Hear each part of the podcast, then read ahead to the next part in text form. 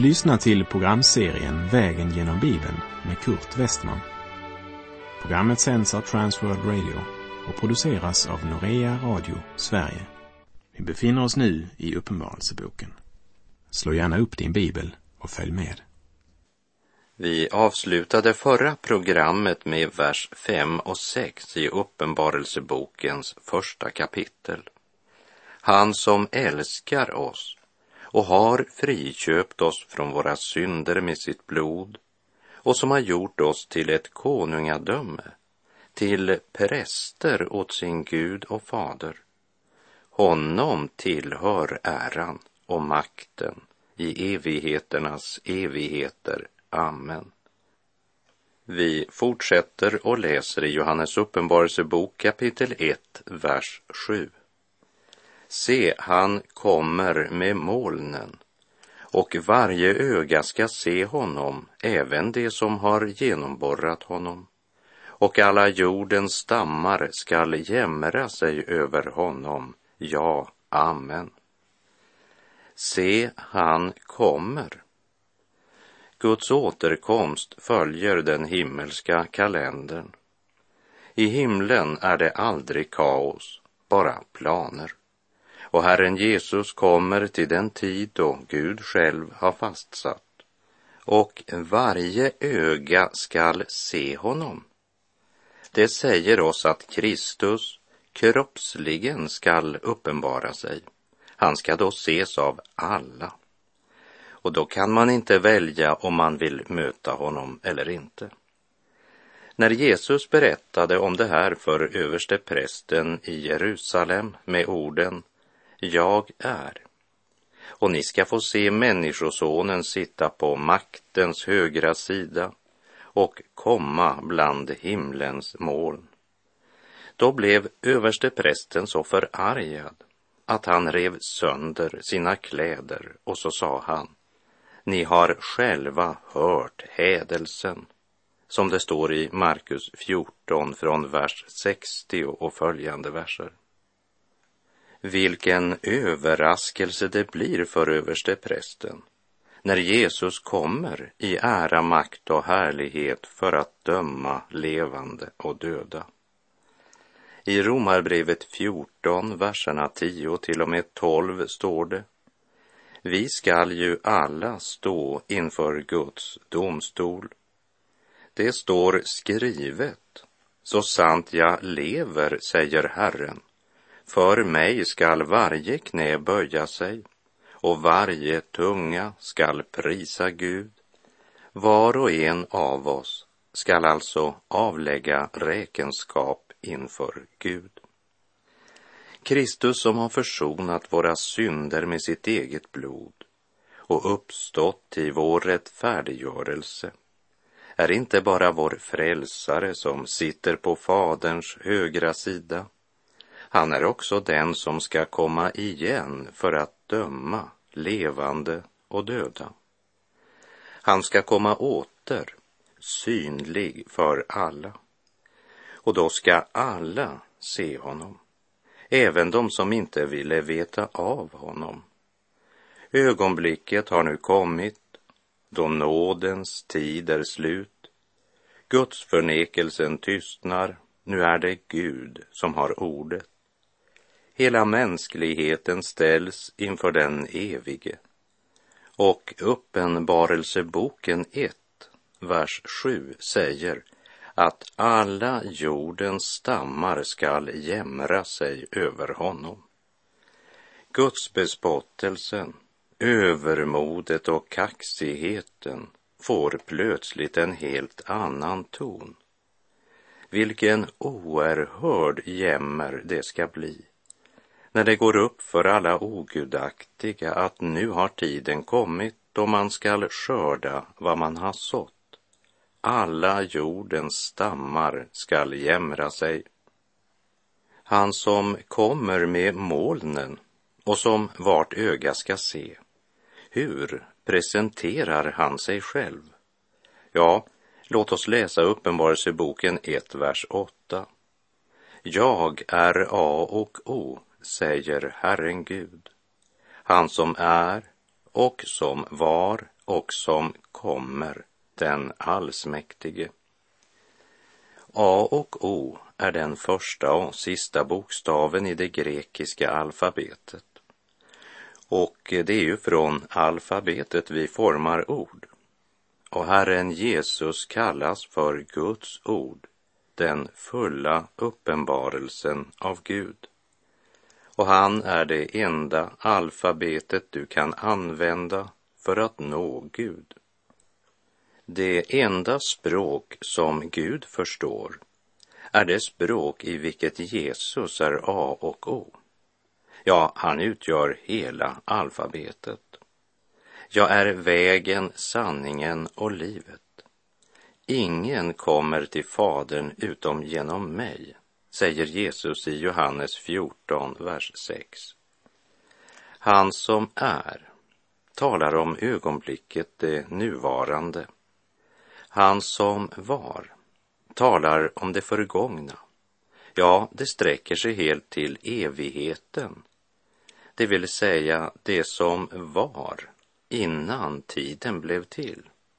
Vi läser följande om jordens skapelse i Första Mosebok 1.14. Gud sade, var det på himlavalvet ljus som skiljer dagen från natten. Det skall vara tecken som utmärka särskilda tider, dagar och år. Och från det ögonblicket existerar det vi kallar tid. Från detta ögonblick består dagarna av det vi kallar dygn. Och med dag räknas då från solens uppgång till dens nedgång. Men långt innan tidsåldern börjar så är Gud. Han är från evighet till evighet. Det vill säga, han är till innan vår tidräkning har börjat. Och han kommer att vara också när tiden är slut och det åter blir evighet.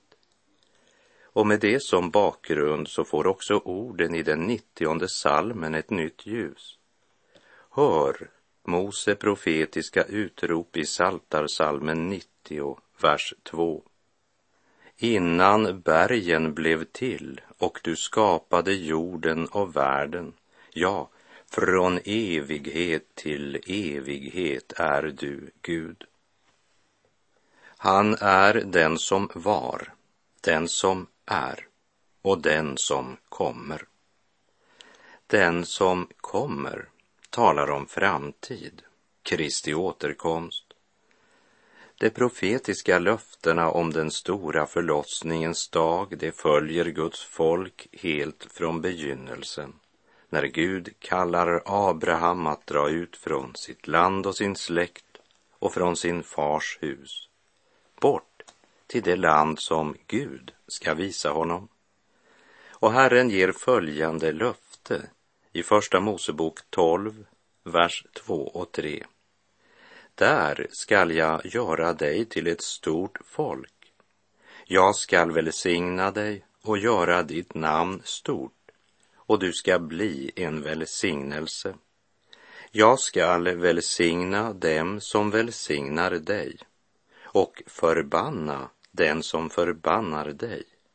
I dig skall alla släkter på jorden bli välsignade. Innan Herren ger ett bestämt budskap till sju församlingar som han konkret nämner vid namn var för sig, så talar han om vem det är som står bakom detta budskap. Jag är A och O, säger Herren Gud. Han som är och som var och som kommer, den allsmäktige. Han kallar oss till helig strid mot mörkrets makt för ljus och frid. Säll den hans maning följa vill, ty honom hör Guds rike till. Snart denna världens tid förgår, då gryr Guds kyrkas jubelår. Av nåd och stå, o Herre giv, med allt ditt folk ett evigt liv.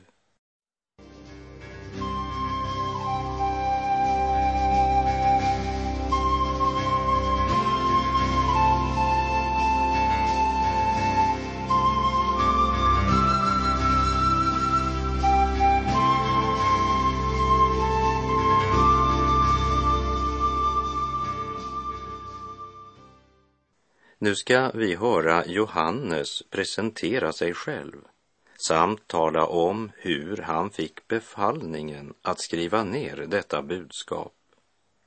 Uppenbarelseboken 1, 9. Jag, Johannes, er broder, som i Jesus delar lidandet och riket och uthålligheten med er. Jag befann mig på den ö som kallas Patmos för Guds ord och Jesu vittnesbörds skull. Hittills så har Johannes talat om sig själv i tredje person. Först i vers 9 presenterar han sig personligen för läsarna. Och när han gör det talar han om tre punkter som förenar. Det första är lidandet. Johannes, er broder som i Jesus delar lidandet. Redan i Johannes 15.20 sa Jesus Kom ihåg vad jag har sagt. Tjänaren är inte för mer än sin herre. Har det förföljt mig skall det också förfölja er. Kristus hade inte lovat sina efterföljare guld och gröna skogar, utan han sa i klartext att den som ville vara hans lärjunge måste ta upp sitt kors och följa honom. Ja, svårigheter, prövningar, lidanden, förakt och förföljelser det går som en röd tråd genom Guds barns liv. Nu påminner Johannes om att också han har del i de lidanden som kännetecknar barnaskapet. Men han har inte bara del i lidandet. Han har också del i riket och är Kristi medarvinge. Jag, Johannes, er broder, som i Jesus delar lidandet och riket Aposteln Paulus han beskriver det så här i Romarbrevet 8, 17. Men är vi barn är vi också arvingar, Guds arvingar och Kristi medarvingar, lika visst som vi lider med honom, för att också bli förhärligade med honom. Och när Paulus säger lika visst som vi lider med honom, så betyder det inte att vi måste lida för våra synder. Det har Jesus gjort och det kan ingen annan göra. Men det betyder att när det gäller världen så får vi dela livsvillkor med Jesus. Jesus blev aldrig populär bland den stora massan och den som tror på Jesus kan aldrig heller bli populär. Jesus blev inte förstått av sin samtid. Alltså blir en kristen aldrig heller förstått av sin samtid. Jesus blev förföljd och hans lärjungar blir förföljda för Jesus skull. Men delar vi lidandets villkor här i världen tillsammans med Jesus kommer vi också att dela den kommande härligheten tillsammans med honom. Johannes påminner om att han har i Kristus del i lidandet, liksom han också har del i riket tillsammans med alla andra som är Jesu lärjungar.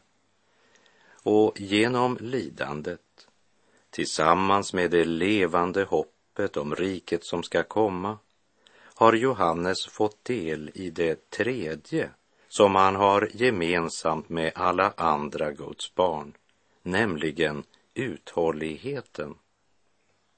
Jakob skriver i sitt första brev kapitel 1, vers 3. Ni vet ju att när er tro sätts på prov så gör prövningen er uthålliga. Och nu vittnar Johannes om detsamma. Jag, Johannes, er broder, som i Jesus delar lidandet och riket och uthålligheten med er.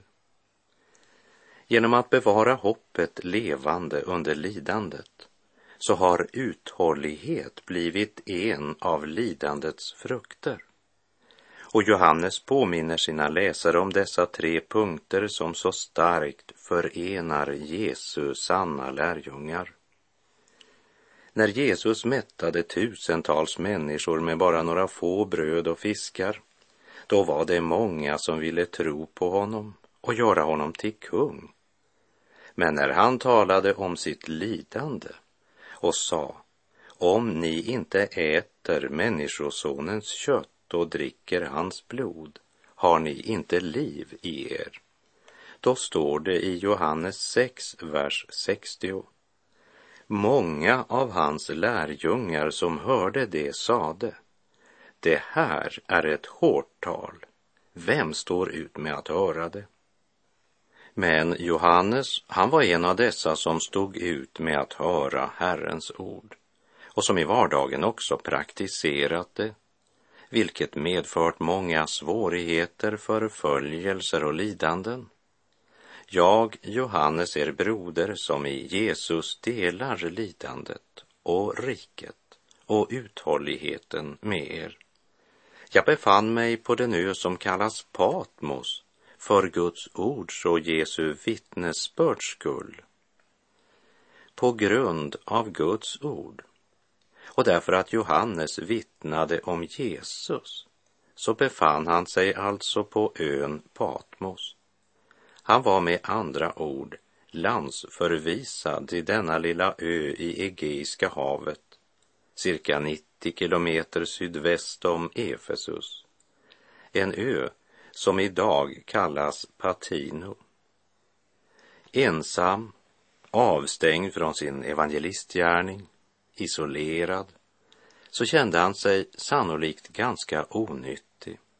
Och han hade ju god tid att tänka och undra över både det ena och det andra. Men likt Herren fick komma till tals med Jakob vid Jabboks vadställe, som vi läste om i Första Mosebok kapitel 32, så kunde Gud verkligen uppenbara sig för Johannes i ensamheten på Patmos, där Gud visar sin tjänare vad som snart ska ske.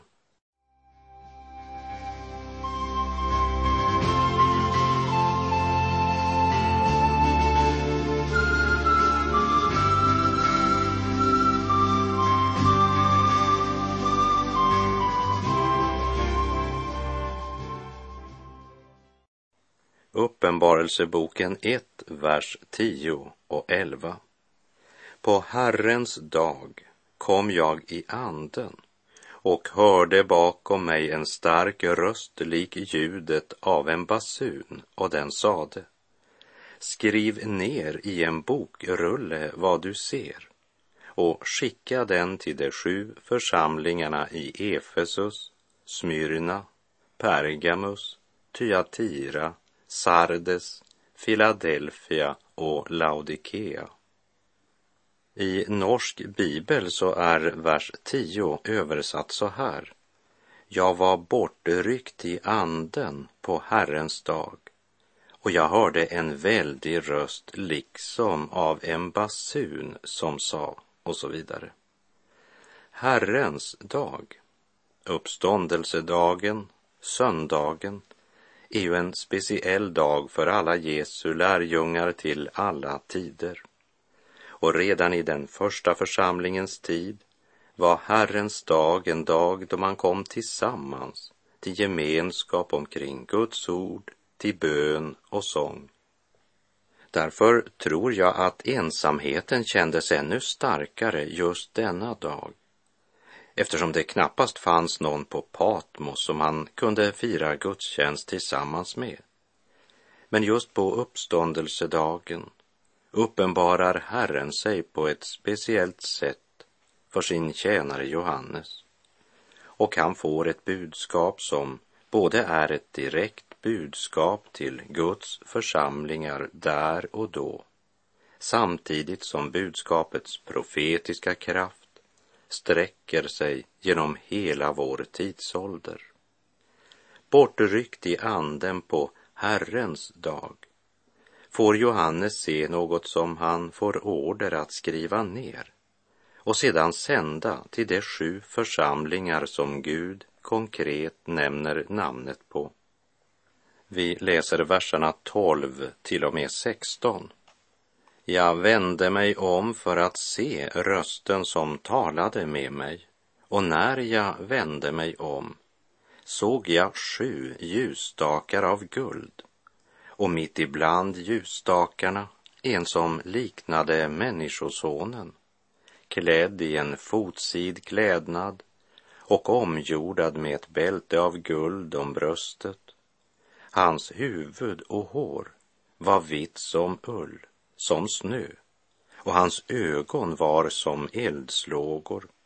Hans fötter liknade skinande malm som glöder i smältugnen. Och hans röst lät som dånet av väldiga vatten. I sin högra hand höll han sju stjärnor. Och ur hans mun gick ett tveeggat, skarpt svärd. Och hans ansikte lyste som solen när den skiner i all sin kraft. Lägg märke till att det börjar med att Herren först uppenbarar sig själv för Johannes. Gud önskar stadfästa för sin tjänare vem det är som talar med honom. Johannes ser sju ljusstakar av guld och mitt bland ljusstakarna en som liknade Människosonen. Johannes får alltså se honom för vars skull han blivit förvisad till ön Patmos. Men han ser honom inte längre som den förnedrade och korsfäste, men som den förhärligade som ska komma på himmelens skyar. Och det är inte ljusstakarna som lyser, men Människosonen vars ögon var som eldslågor ett starkt vittnesbörd om Kristi makt och härlighet. Det är domaren vars röst lät som dånet av väldiga vatten. De sju ljusstakarna av guld, det påminner oss om tabernaklet där det stod en ljusstake som hade sju armar. Och eftersom sjutalet är Guds tal och fullkomlighetens tal så talar detta om hela Kristi församling på jorden. Och Kristus håller hela sin församling i sin hand, oberoende av församlingens namn. Kristus håller de sju stjärnorna i sin hand och hans ord är som ett tvegat svärd. Och Hebreerbrevets författare avger följande vittnesbörd om Guds ord. Ty Guds ord är levande och verksamt. Det är skarpare än något tveeggat svärd och tränger igenom så att det skiljer själ och ande, led och märg. Och det är en domare över hjärtats uppsåt och tankar. Och denna sanning stadfästs för Johannes i denna syn på Patmos. I sin högra hand höll han sju stjärnor och ur hans mun gick ett tveeggat skarpt svärd och hans ansikte lyste som solen när den skiner i all sin kraft. Johannes är överväldigad. Han har uppenbart svårt att finna ord att uttrycka och beskriva det han ser. Det är inte lätt att hitta jordiska ord för att beskriva en himmelsk verklighet. Hur upplevde Johannes det när han såg allt detta? Ja, hör vad han säger i vers 17 och 18. När jag såg honom föll jag ner som död vid hans fötter och han la sin högra hand på mig och sade, var inte förskräckt. Jag är den förste och den siste och den levande. Jag var död och se, jag lever i evigheternas evigheter och har nycklarna till döden och helvetet. Det är som om Herren ville säga till Johannes, se, jag lever och därför ska du också leva. Ty jag är herre över de två stora fienderna, döden och helvetet. Vilket underbart budskap för en lärjunge som upplevt så mycket förföljelse, nöd, smärta och lidande och som kände sig både liten och hjälplös inför fiendens raseri. Kejsare Domitian hade sänt Johannes till Patmos samtidigt som han med stor slagkraft förföljde de kristna på många platser. Fiendens mäktiga styrka slog allt hårdare slag mot Jesu efterföljare. Vad skulle det nu bli av Guds rike? Det är i den situationen som Gud uppenbarar sig som den suveräne för Johannes. Var inte förskräckt. Jag är den förste och den siste och den levande. Jag var död och se, jag lever i evigheternas evigheter och har nycklarna till döden och helvetet. När jag hör Herrens mäktiga, var inte förskräckt, så går mina tankar till de ord Paulus skrev till Timoteus i Andra Timoteusbrevet 1.7. Ty den ande som Gud har gett oss gör oss inte modlösa utan är kraftens, kärlekens och självbehärskningens ande. Och Jesu egna ord i Johannes 14.27. Frid lämnar jag efter mig åt er. Min frid ger jag er. Inte ger jag er en sådan frid som världen ger. Låt inte era hjärtan oroas och var inte modlösa. Eller som Människosonen säger till Johannes på Patmos. Var inte förskräckt. Jag är den förste och den siste och den levande.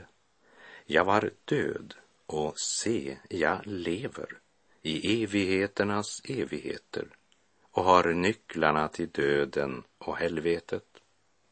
Vi läser vers 19 och 20.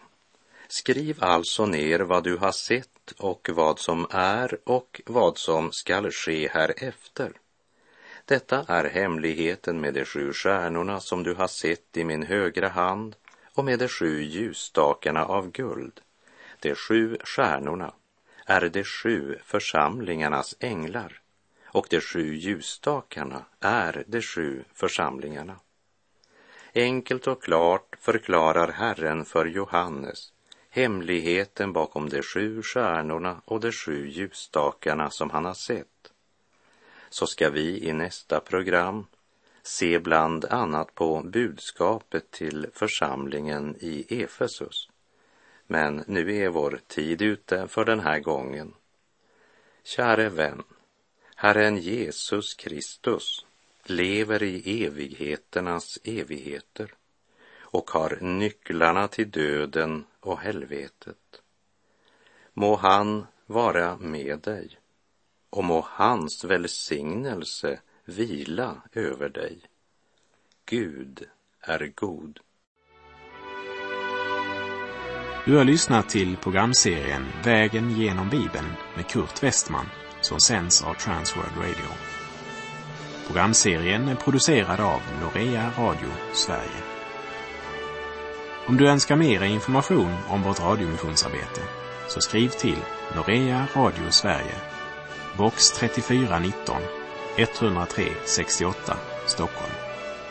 Adressen är alltså Norea Radio Sverige, box 3419. Postnumret 10368 Stockholm.